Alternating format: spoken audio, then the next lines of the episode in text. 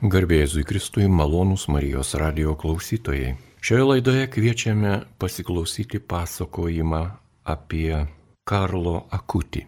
Ir šį pasakojimą jums, mėly radio klausytojai, maloniai pateiks Vilimas Norkūnas, klavesinininkas, vargonininkas ir dirigentas ir baroko muzikos dainininkė Rūta Vosiliūtė. Jos kalbina Liutauras Serapinas. Taigi sveikinuosi su gerbiamu Vilimu ir gerbiama Rūta. Garbė Jėzui Kristui. Per amžius. Kalbėsime apie asmenį, kurį Lietuvoje mažai kas žino. Atsakingas dalykas - pradėti kalbėti apie asmenį, kurio niekas nepažįsta. Gal yra tik girdėję vieną ausimi. Taigi, kas tas Karlo Akutis, Vilimai? Aš gal net norėčiau pradėti ne nuo Akučio savo patirtį ir savo pasidalinimą, bet nuo savo globėjo sutvirtinimo, tai yra Don Bosko. Ir man šie du personažai, kai žiūriu į jų jaunystę, yra kažkuo panašus nes Don Bosko žavėjo mane, kaip jisai patraukė e, savo kaimynus, e, berniukus, kitus padaužas ar neklaužadas, kurie nebuvo gal dievo baimingi ar maldingi. Sakydavo, aš jums parodysiu triukų, pereisiu per lyną ir įvairiausių fokusų, bet su viena sąlyga mes kartu prieš tai sukalbėsime poterius draugė.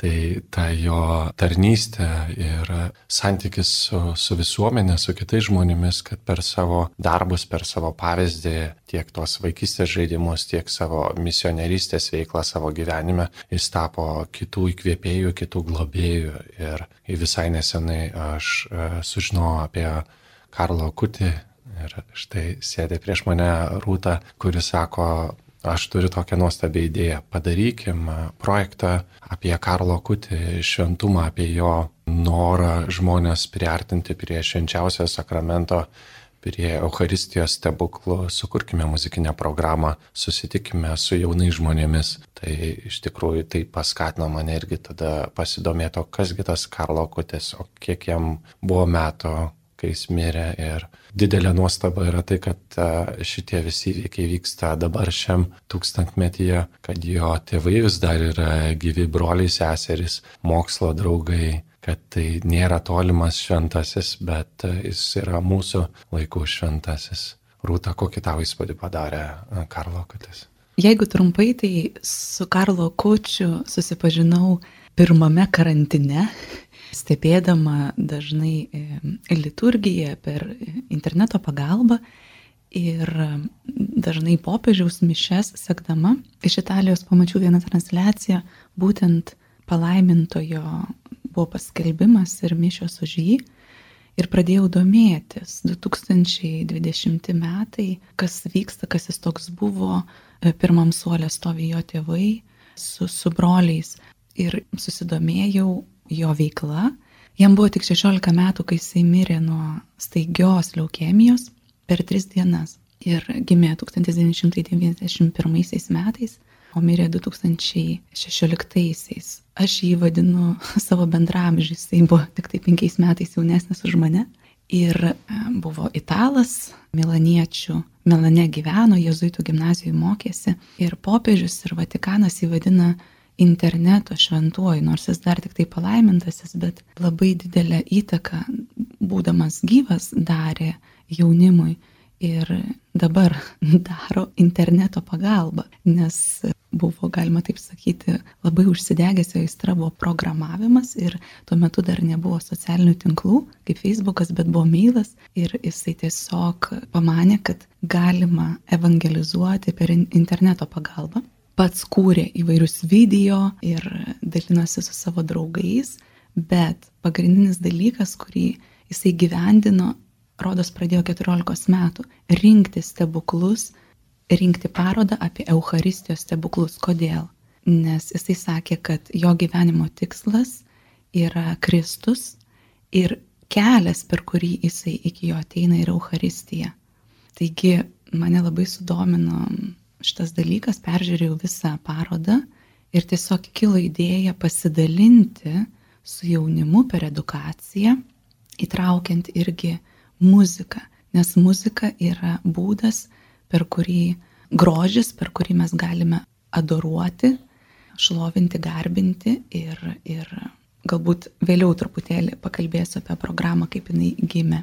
Mes tiesiog vakar keliavom iš nuostabaus koncerto Tytovėnų vienuolynė. Buvom sužavėti kokią šiltą publiką, bet ir kokią nuostabią akustiką tie skliautai, kuriuose mes muzikavome ir grįždami sutarėm, kad žiūrėsim kartu filmą apie Karlo Kutį. Iš tikrųjų, šiandien prie mūsų negalėjo prisijungti kunigas Sigitas Jorkštas, bet jo evangelizacinis projektas kaip tik ir siekia tuos stebuklus Euharistijos, kuriuos paruošė aprašymus ir medžiagą pats Karlo Kutis išversti į lietuvių kalbą, dalis jau yra išversta Ir tie stebuklai, ta virtuali paroda bus patalpinta puslapyje dievostebuklai.lt.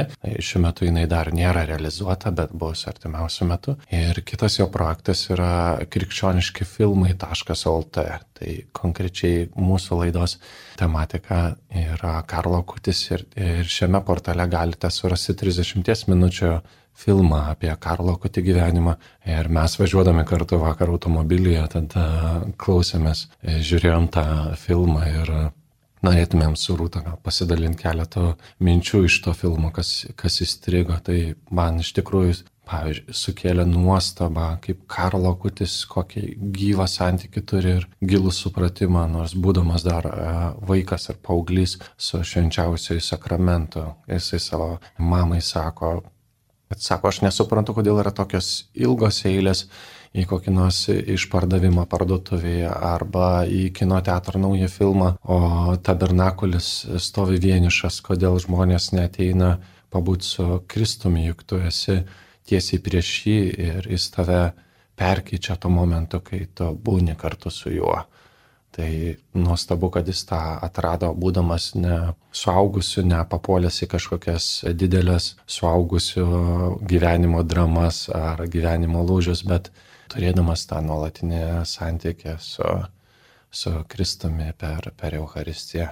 Ir man dar irgi labai strigo jo mintis, kad sako, ar jūs suprantate, kad kai Jėzus buvo gyvas, buvo nuostabu susitikti su juo bet buvo be galo sunku pakliūti tarp tų žmonių, kurie galėjo jį susitikti. O dabar sako visame, visame pasaulyje, bet kuriuo momentu kiekvienas iš mūsų gali ateiti ir susitikti su Kristumi per švenčiausiai sakramentą čia ir dabar. Ir labai įdomus dalykas, kuris tai pasako apie žmogaus originalumą, kad mes visi gimstame kaip originalai, o mirštame dažnai kaip kopijos. Toksai modernus šiuolaikinis pasakymas, kuris tiesiog akučio širdyje ir pavyzdyje ir, ir, ir žinioje, kad tam, kad išliktumėm tais originalais, sekti Kristumi, dalyvauti Euharistijos stebuklę, kuris vyksta kiekvieną dieną. Ir taip pat buvo labai akutis, kit, tikėjo ir, ir mergelės Marijos, ar ne, kultų ir meldėsi jai. Tai tiesiog katalikybės šaknis. Dėl to ir, ir labai užsikabinau toje parodoje.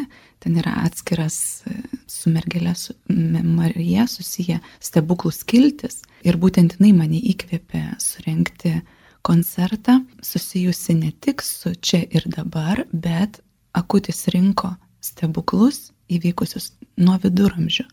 Dėl to ir koncertui e, rinkome muziką nuo viduramžių, renesanso, baroko, kad vaikai jaunimas būtų ugdomi tikėjimui ir grožiui per muziką nuo ištakų vakarų Europos kultūros paveldo. Tai, ką mes turime turbūt brangiausio, bet ne visuomet įvertiname. Ir Kaune, Kauno Jėzuitų gimnazijos moksleiviai turėjo galimybę dalyvauti pamokose keliose, kuriuose e, aš aiškinau, kaip klausytis muzikos tam, kad jiem būtų lengviau tiesiog sekti ar adoruoti, ar, ar tiesiog išgyventi tą koncertą kaip, kaip įvykį, ar ne. Tai labai mokytoja buvo susidomėjusi, sako, taip, nes čia yra sunkiausias dalykas, kaip klausytis, kaip išlaikyti dėmesį klausantis grigališko choralo, kur atkreipti dėmesį, ar į žodžius, ar į melodiją, kaip renesanso muzikos klausytis daugiabalsės polifonijos ir galų gale barokinės pošybos. Taigi labai džiaugiuosi, kad Kauno Jėzuitų gimnazijos moksleiviai į šitą projektą įsitraukė labai visapusiškai su kybos mokytojos pagalba informatikos ir dailės ir jie išrinko patys iš daugybės tų stebuklų penkis jiems pasirodžiusius svarbius stebuklus. Viduramžių vieną, vieną Renesanso iš baroko ir su mergelė Marija susijusi ir mūsų dienų išrinko vieną Lenkijoje įvykusi stebuklą 2013 metais Legnicoje. Taip. Tai jų dalyvavimas tikrai labai šaunus, gražus ir jie ne tik paruošė pristatymus, bet kelios klasės net įsitraukė į šitą procesą ir ruoš e, stendus, juos maketuos. Taigi toks labai gražus e, visapusiškas dalyvavimas, įsitraukimas ir įsisavinimas to, kas Karlo Akutis, kuo jis man įdomus šiandien ir kaip jis mane paliečia ir paliečia jo būtent liudijimas per, per tą jo surinktą parodą ir patalpintą internete.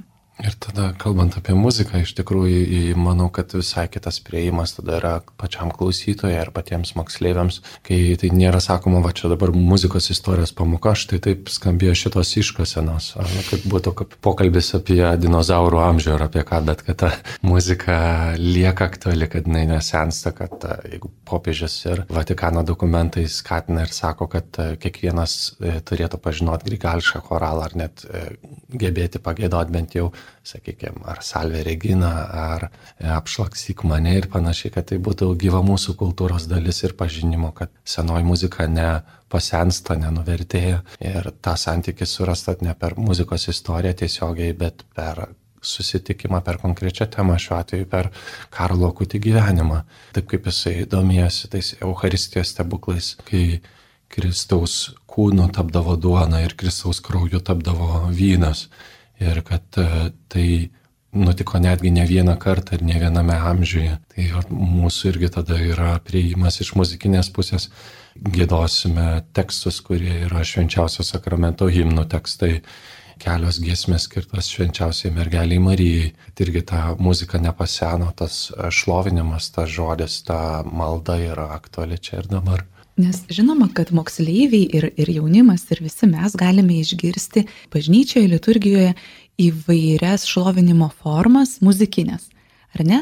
Bet rečiau, aišku, tradicinės mišios išlaiko grigališką choralą, tikrai retai girdime Renesanso ir baroko epochų šlovinimo giesmės himnus, apie kuriuos uh, užsiminė Vilimas. Tai tiesiog įdomu yra sekti ir vakarų Europos gerojų pavyzdžių, kad tenais tiek Vokietijoje, Šveicarijoje, Austrijoje per mišes ir katedrose ir kitose bažnyčiose, negi jėzuitų bažnyčiai paskutinį kartą, kai keliavom su choro egzaudį į Innsbruką ir meldėmės kartu sekmanio mišiuose ir, ir kiekvieną sekmanį galima išgirsti, galbūt net gyvenime negirdėtų kompozitorių mišes ir motetus, tai yra giesmės sakralinės muzikos tekstais ir per tai irgi priartėti ir prie Dievo, tada yra lengviau melsis tokios muzikos klausantis ir tuo pačiu pažinti praeitį, pažinti, pažinti tai, kas buvo sukurta Dievo garbiai.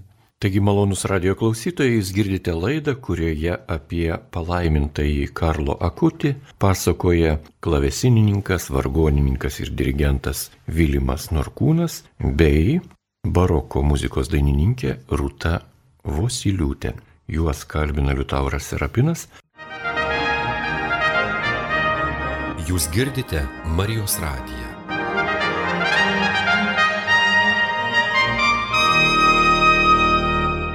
Apie palaimintąjį Karlo Akutį pasakoja Vilimas Norkūnas bei Rūta Vosiliūtė. Juos kalbina Liutauras Serapinas ir besiklausydamas jūsų pasakojimų ir apie patį asmenį Karlo Akutį bei apie tuo, kuo jis aktuolus bažnyčiai, būdamas toks jaunas žmogus, galima sakyti, nepatyręs dar ir pilnametystės, brandaus gyvenimo, o jau yra skelbiamas palaimintuoju, jo labiau mūsų dienų žmogus. Ir ta jungtis su muzika, vargonavimu arba atlikimu meno kūrinių bažnyčioje bei švenčiausiojo sakramento eucharistiniais stebuklais pasaulyje, tai aš supratau, kad tai yra tikrai mūsų fantaziją ir sugebėjimą mąstyti pranokstantis projektas. Kodėl?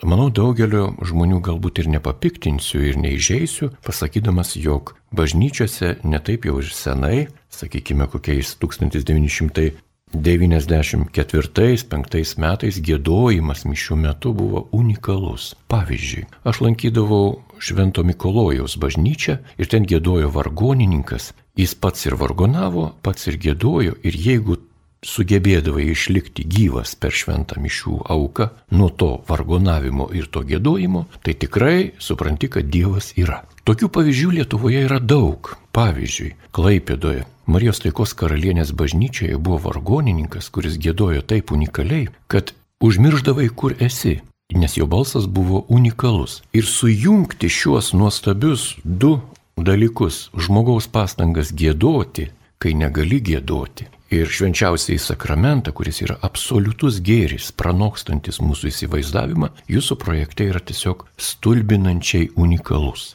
Neironizuoju, nes iš tikrųjų stebiuosi, kaip galima sujungti savo gyvenime kartais visiškai nesijungiančius dėmenis, kurie yra mūsų gyvenimo dalis neįsivaizduotume, būdami krikščionys, gyvenimo be švenčiausiojo sakramento. Taip pat neįsivaizduotume savęs be muzikos, be dailės, be muzikos instrumento, ar jie būtų barokinis klavesinas ar vargonai, restauruoti geriau ar blogiau. Taigi, na, nustebinote.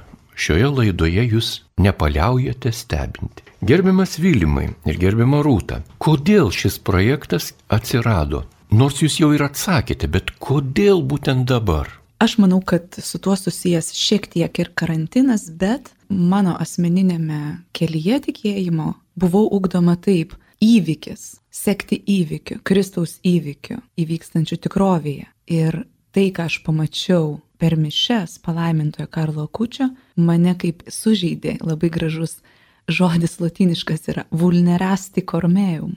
Sužeidė grožis to gyvenimo ir jo paslapties ir domintis tuo, nukreiptas žvilgsnis, visas kūnas, visas dėmesys į, į švenčiausiai sakramentą. Daug apie jį kalbama, bet pavyzdys gyvenimo yra kas kita, kai tiesiog toks jaunas žmogus yra sąmoningas ir mane tiesiog supurtė jo sąmoningumas, supurtė mano tikėjimą ir leido tiesiog toliau eiti ir dar labiau atkreipti dėmesį, žvilgsnį į, švenčiausiai sakramentą. Aš galvoju tiesiog apie savo gyvenimo kelią, apie pašaukimą ir matau save ir kaip vargonininką ir, ir choro dirigentą, kuris visų pirma stengiasi liturgijoje patraukti žmonės ir patraukti juos gėdoti, kad tai nebūtų tik vargonai ir mano balsas, bet kad e, žmonės galėtų draugė gėdoti. Tai čia yra vienas mano pašaukimo aspektas. E, kitas tai yra šlovint Dievą ir už bažnyčios ribų, už tikinčiosios bendruomenės ribų ir stengtis prakalbinti tuos žmonės, pasiektų žmonių širdis, kurie galbūt tiki Dievu, bet nevaikšto į bažnyčią, arba kurie galbūt net abejoja, ar Dievas yra. Tai klasikinė muzika viena vertus gali būti tiesiog tokia, kad ir gerai pagrota, bet uh, sakanti, čia yra puikus kompozitorius ir puikus kūrinys, mes jį grojam, bet nesigilinant į tikėjimo aspektą. Tačiau mūsų ansamblėje tiek Rūta, tiek aš, tiek Jėva, kurie esam tikinti žmonės, tai mūsų noras yra, kad ta muzika būtų gyva visom prasmėm Ir atlikimas nebūtų akademiškas ir kažkoks tiesiog taisyklingas, jis turi turėti vidinę ugnį ir visų pirma norėti liudyti žodį. Ir kai liudijam tą žodį, kurį, kurį kalbame, kurį atliekame, tai norime, kad tas žodis pasiektų irgi žmonės. Negalime, kaip čia sakyti, paviršutiniškai žiūrėti į tą tekstą, norime eiti į gelmę, suprasti, ką kompozitorius per tą žodį nori pasiekti, ką Dievas nori per tą žodį žmonėms perduoti. Tai suprantama, kad e, mes esam su, sukūrę jau ne vieną koncertinę programą, ir kuri yra sakralinės muzikos, sakykim, programa ir nenorim stovėti vietoje. Tai kiekvienais metais vis savęs klausime, o ką šį kartą imsimės, ko, ko šį kartą imsimės naujo, ką mes norime nuveikti, kaip mes norime pasiekti kitus žmonės. Iš tiesų šis projektas yra pirmasis edukacinis Kieros kūro projektas su moksleiviais ir tikrai labai labai graži patirtis, nes Nes nėra savaime suprantama, kad mes galbūt ar ne pasakome, kad esame praktikuojantis krikščionis, kad einame į katalikišką mokyklą, mums visiems reikia kelio ir grožio ir įvykių, kad mes atsinaujintumėm ir, ir būtumėm atnaujinti tokiu būdu.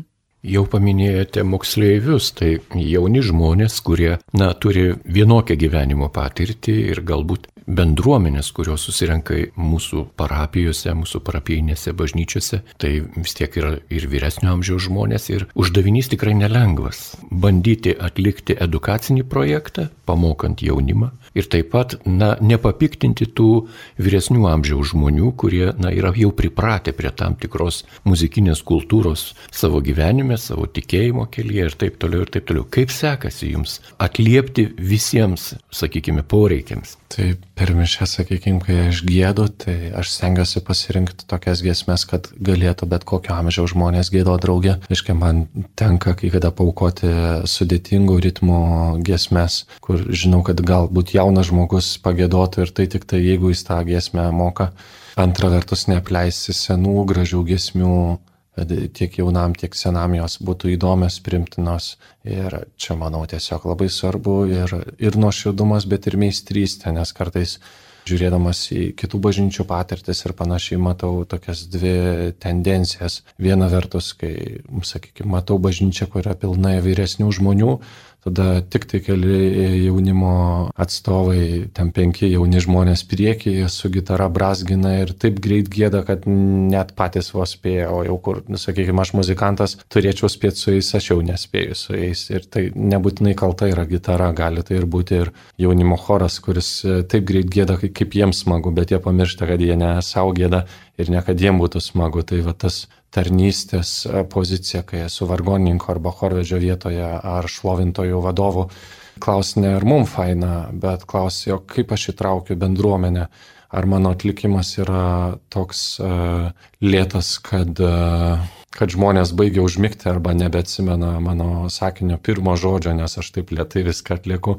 Tai čia vienas kraštutinumas, bet kitas kraštutinumas, kurį aš dabar labai pastebiu net tarp vargonininkų, kad yra toks greitas gėdojimas, tarsi įsivaizduočiau, kad prieš mane yra mikrofonas, yra kamera, YouTube'as ar ten MTV ir kad viskas vyksta tuo realiu greičiu, kuris yra e, įrašų studijoje ar prieš kamerą bet bažnyčia šventovėje, kur yra akustika, kur yra gyva bendruomenė prieš mane, ne, ne televizoriaus ekranas ir ne, ne įrašų studija, ne visai tie patys principai galioja. Atsakant į jūsų klausimą, toksai pastebėjimas, kad kai koncertai mūsų koncertai vyksta sakralinės muzikos bažnyčiose, būtent kaip ir Vilmas minėjo, mišios, na, atliekamos turint omeny, ką Vilma sakė ir nenorint įtraukti visus esančius, bet momentas, koncerto momentas, jisai aišku vis, visuomet yra ugdomasis ir ten kviečiama klausyti būtent senosios muzikos. Karlo Akutis stebuklų programoje muzikinėje ji labiau e, koncentruota į pačią adoraciją. Taigi, kai vyks Kaune, Vilniuje ir Druskininkuose trys koncertai prieš arba po mišių, ar ne? Tai nėra koncertas, tai yra muzikinis pasakojimas, nes moksleiviai pristatys stebuklus Euharistijos ir mes tarsi labai gražiai pritarsime muzikinę kalbą tiems stebuklams ir toms epochoms, iš, iš kurių tie stebuklai, ar ne, buvo išrinkti. Taigi labiau, labiau mūsų koncertas arba muzikinis pasakojimas bus susijęs su adoracija, ne su pačia liturgija. Aš galvoju, aš asmeniškai būčiau net linkęs išvengti kai kurių žodžių, kurie labai yra paplitę arba reikalingi švietimo sistemoje, nes man atrodo, viena yra kaip, kai tenka rašyti kaip projekto vadovo į projektą ir rašyti, mes edukuosime, mokysime, supažindinsime ir taip toliau, o visai kas kita, kai aš su gyvu žmogum bendrauju, Aš net norėčiau nepriimti tų žodžių, kad mes išmokysime, kaip klausytis muzikos. Tai nu, nėra e, tiesiogiai įmanoma. Aš labiau galvoju, kad mums svarbu kiekvienam kaip asmeniui ir kaip ansambliui tiesiog dalintis gyvų gyvenimų, gyvų tikėjimų ir gyvą muziką. Ir kai dalinuosi tuo, kas man iš tikrųjų rūpi, ką aš myliu, kuo aš tikiu, tai tas žmogus e, turės galimybę atsiverti arba mažiau atsiverti, bet Tai nėra tai, kad aš jums parodysiu, kaip reikia iš tikrųjų gėdoti per mišes, arba aš jums parodysiu, kaip iš tikrųjų reikia čia koncerto klausytis. Tas, nu, ta riba yra tokia jautri, sakyčiau. Žinoma, nes edukacija yra bandymas ir po to yra žmogaus laisvė, apeliacija į ją ir, ir, ir kiekvienas turbūt tą informaciją ir, ir viską, ką mato, girdi, priema taip, kaip, kaip, kaip jam atrodo, bet tas momentas vis tiek. Mes, mes kartu esam tame keli ir mokausi irgi iš moksleivių ir, ir, ir iš ansamblio narių, kurie turi irgi nemažą edukacinę patirtį. Tai tiesiog Tiesiog jūs jungiate ir koncertą, ir liturgiją, ir parodą, ir tikėjimą, žmogaus išpažinimą, bei garbinimą, šlovinimą, adoravimą, maldą, vidinę tam tikrą žmogaus tikėjimo dalį, nes malda yra tikėjimo dalis. Vien melstis negana, reikia dar ir daryti kažką. Vien gėdoti negana, reikia groti.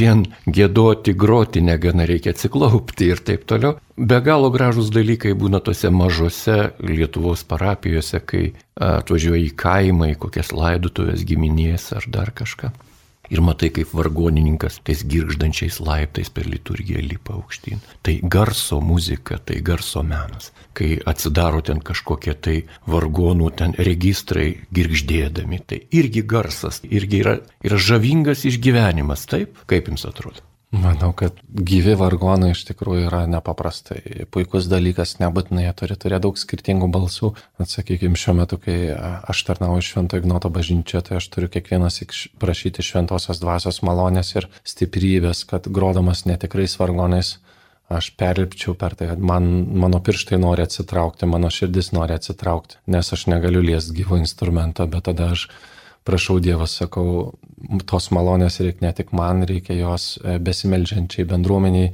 tegu jie negirdi, kad šitie vargonai yra netikri. Ir e, Dievas padeda iš tikrųjų, tada aš nesiliauju improvizuoti, nesiliauju groti, nesiliauju su, stengtis su Dievo, su šventos dvasios įkvėpimu gėdoti, kad, kad žmonės tų sunkumų nežinotų, nepatirtų. Ar pamenate, Vilimai, ta bažnyčia kažkada buvo koncertų salė, atsimenat taip? Ten... Daug bažnyčia buvo koncertų salė, nes aš atsimenu, kai buvau mažas ir su tėvais nukeliavau į dabartinę arkikatedrą baziliką ir ten buvo paveikslų galerija ir klausėmės gal pirmųjų vargonų koncertų ir panašiai. Tai iš tikrųjų, kaip viskas keičiasi. Ir man teko Ignoto bažnyčiai būti, kai rep, tenai buvo pagrindinė Švento Kristoforo orkestro repeticija vieta ir su choro idėja ruošiamės koncertui. Ir aš dabar tos erdvės net pažįstu, net negaliu pasakyti, ar buvo scena altoriaus pusėje ar priešingoje. Tiesiog taip. Priešingai, priešingai. priešingai. priešingai. Aš pamenu arkikatedroje bazilikoje tokį vieną įvykį. Dar tuo metu vadovavo visam katedros darbui, vadovavo monsinjoras Vasiliauskas, amžinatilisi. Ir tai buvo toks laikas, kai žmonės visai neseniai iš paveikslų galerijos gavo arkikatedrą baziliką. Ir buvo tokie suolai, kur atkaltė atsiversdavo į dešinę.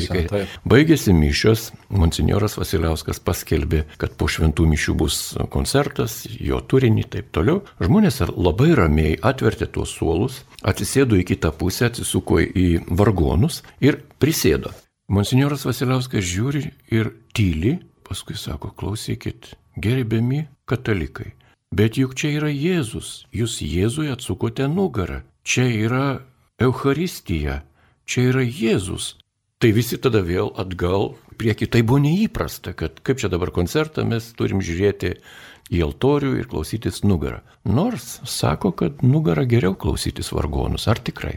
Aš manau, kad didelė patyrimo dalis ir taip pat ir mūsų projekte, mūsų koncerte yra tai, kad kai muzikantai ir atlikėjai nėra tiesiai priešais tave, tu negali atiduoti savo dėmesio vizualiai pusėje, akims, tu nejučia turi sutelkti daug daugiau dėmesio į klausimą, į klausą ir, sakykim, nuo tada nuo viškų, nuo vargonų, ta atliekama muzika ir, ir balso, ir fleito, ar smuiko, ar pačių vargonų, jinai, jinai tada kitaip girdima, kitaip klausoma.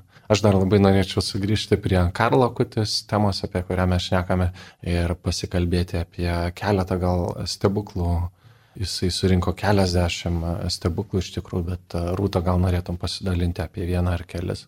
Man turbūt didžiausią įspūdį palikęs ir, ir įvykęs 2013 metais Legnicoje, Lenkijoje, kuomet jau aišku turint visas technologijas ir, ir, ir įrangas, biologai ištyrinėjo. Kalėdų metu Ostija buvo nukritusi ant žemės ir vienuolė, rodos, bandė ją ištirpdinti ir kitą dieną pamatė, kad ant tos Ostijos yra tarsi raudonos dėmes ir pasakė vyskupui apie tai ir vyskupas, ten visas procesas yra, galų gale ta ostija atsirado laboratorijoje ir du, du skirtingi mokslininkai tyrė tą ostiją ir tiesiog rezultatas išvados buvo, kad e, tai yra, tos dėmes yra žmogaus širdies raumens fragmentai agonijos metu. Mane labai stipriai paveikė, nes mes labai esame įtikėję mokslu ir kaip jūs ir minėjote, kartais tam tikri dalykai tiesiog žmogaus protų sunkiai suvokiami, bet panaudojus visą mokslą ir, ir technologijas dar kartą, beldžiasi į širdį tiesa ir, ir, ir tiesiog faktais sako, kad taip, tai yra Kristaus kūnas. Ir šis stebuklas yra būtent toje parodoje, taip? Taip. Man irgi krito keli stebuklai širdį, tai aš neatsimenu tiksliai datų ir vietų, bet vienas iš tų stebuklų buvo, kai krito sakramentas nuo altoriaus ir kunigas e, puolė lenktis jo, kuo greičiau pakelti. Ir visgi Dievas aplenkė jį, nes ostija pati pakilo ir grįžo į savo vietą. Ir tą matė ne jis vienas, bet šalia buvę žmonės, kurie tai liudija. Ir kitas stebuklas, kuris man irgi padarė didelį įspūdį, yra apie irgi ostijas, e, kuriuose atsirado Kristaus kraujo.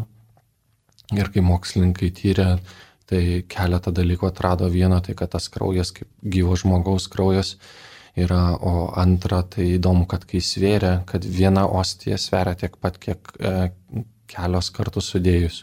Žodžiu, kas yra nu, matematiškai kaip ir neįmanoma bet kalba apie tai irgi, kad e, aš kaip suprantu tą stebuklą irgi ir tą žinią, kad e, Kristus savo e, kūnu ir krauju stiprinantis mūsų visame pasaulyje, jo yra Kristaus nei daugiau, nei mažiau, jis yra vienas ir jis yra pas mus visus. Mes galbūt krikščionys turėtume kitaip naudoti žodį stebuklas, taip? Nes tai, kas netikinčiam žmogui yra tikrai stebuklas, mums kaip ir nebestebuklas, nes suprantame, kad tai įmanoma. Jeigu tai yra, tai taip, tai stebuklas, bet tai įmanoma.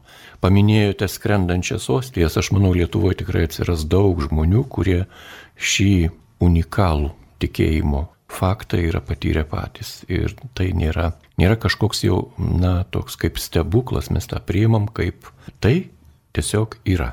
Taip būna. Būna, kad nebūna, bet būna. Taigi šiandien laidoje kalbame apie naujuosius katalikų bažnyčios naujųjų laikų tikėjimo liudijimus, naujuosius palaimintuosius, šventuosius. Esame taip jau įpratę, kad yra laipsniai, yra palaimintasis, yra šventasis, bet tai iš tikrųjų yra tas pats šventasis, tik bažnyčios mokslas, bažnyčios teisė, bažnyčios tradicija turi daugiau kultūrinių apibrėžimų ir tų dalykų mes, kaip sakant, turime paisyti ir kalbame apie palaimintąjį Karlo Akutį jauną žmogų, mūsų amžininką, kuris yra pakeltas į bažnyčios altorių garbę ir tuo, kuo jis užsiemė, užsiemame mes kasdien ir tuo, ką jisai patyrė, patyrėme turbūt irgi kasdien. Ir iš tos patirties išeina nauji vis projektai, nauji sumanimai. Ir šiandien apie tuos naujus sumanimus mums pasakoja Vilimas Norkūnas ir Rūta Vosiliūtė, juos kalbina Liutauras Serapinas. Taigi į šiuos muzikinius renginius, kuriuos jūs pateikėte savo programoje, įsitraukė moksleiviai. Kokie moksleiviai? Iš kur? Jau minėjote Kaunas, Vilnius druskininkai. Kodėl būtent šį miestą? Na, visų pirma, labai įdomiai nutiko, kad, kad renkant programą ir, ir kalbantis ir, ir su kunigais, ir su vienuoliais, jie pastebėjo, sako, pasidomėk dar iki galo Karlo Kutis, nes man atrodo, sarkofagas buvo su jezuitų ženklu ir kaip tai susijęs su jezuitais. Ir tiesiog pasidomėjus, pamačiau, kad jisai mokėsi būtent jezuitų, jezuitų gimnazijoje. Na ir pagalvojau, pamaniau, kad galima būtų pradėti, pradėti nuo jezuitų gimnazijos ir nuo jų moksleivių ir toliau plėsti ir kitas gimnazijas, katalikiškas ir, ne, ir nebūtinai šį, šį sumanimą, šį renginį. Bendradarbiaujam kol kas su Kauno jezuitų e, gimnazija, nes ir, laiko, ir projektų, ir daugelios faktorių sumoje jie pirmieji sutiko su mumis bendradarbiauti ir mes atvešime E, šį renginį. Pirmiausiai turėsime jį Kaune. Spalio 21 dieną po šventųjų mišių 6 val. Kauno Ksavero į Jėzuitų bažnyčią. Ir tada jisai atkeliaus 22 dieną 16 val. Švento Kazimiero bažnyčioje, kur tada galės, e, turės galimybę ir Vilniaus jėzuitų gimnazijos moksleiviai susitikti su mumis, su Kauno jėzuitų gimnazijos gimnazistais. Ir tada vakare mes keliausime tą pačią dieną dar į Vilniaus e, šventų jaunų bažnyčią, kur susitiksime su universiteto sielovados grupelė, bet taip pat šie susitikimai yra atviri visuomeniai. Tai jeigu jūs ar Kaune tą 21 dieną ar 22 dieną Vilniuje galite ir norite vienu iš šių laikų ateiti į tą muzikinį pasakojimą, kuriame dalyvaus stebuklų pristatymę ir gimnazistai, ir mūsų keros kūro ansamblis, tai iš tikrųjų labai kviečiame. Ir toj trečioji vieta, tai yra 23 diena druskininkuose, taip pat po šventųjų mišių, tai kad e, norime irgi su gimnazistais e, parodyti tą misionerystės svarbą, ne tik tai pristatyti, ką, ką veikiam, ar ką sužinom, ar ką atradom namuose savo, toje gimtoje vietoje, bet ir nešti kitur. Ir jeigu galime dar kartą pakartokite, kur galima būtų gauti informaciją internete apie šį nustabų renginį. Mhm. Tai mūsų ansamblis visai neseniai e, į eterį, kaip sakyti, paleido savo interneto svetainę, kurią aš sukūriau, tai yra chiaroskuro.lt. Čia itališkas žodis chiaroskuro reiškia šviesotamsa, kur yra kaip tas atkaravadžio paveikslas ar e, panašiai per šviesos ir tamsos kontrastą, kai yra kažkas išiškinama. Man tai irgi labai asocijuoja su mūsų šiandienos stebuklų e, Euharistijos ir adoracijos tema, nes kai viskas aplinkui yra tamsu, ir šventas sakramentas yra tik tai apšviesas, bet ir iš tikrųjų geriausias tas šviesotamsios pavyzdys. Tai e, tas žodis keros kuro rašosi su he, hiaro ir tada scūro.lt. Jeigu sunku surasti pagal šį raktažodį, jūs dar galite užeiti į mano svetainę vilimas.lt ir tenai prie ansamblių, prie kolektyvų surasite mūsų ansamblį Keros Kūro ir galėsit surasti e, koncertų datas, susitikimo vietas.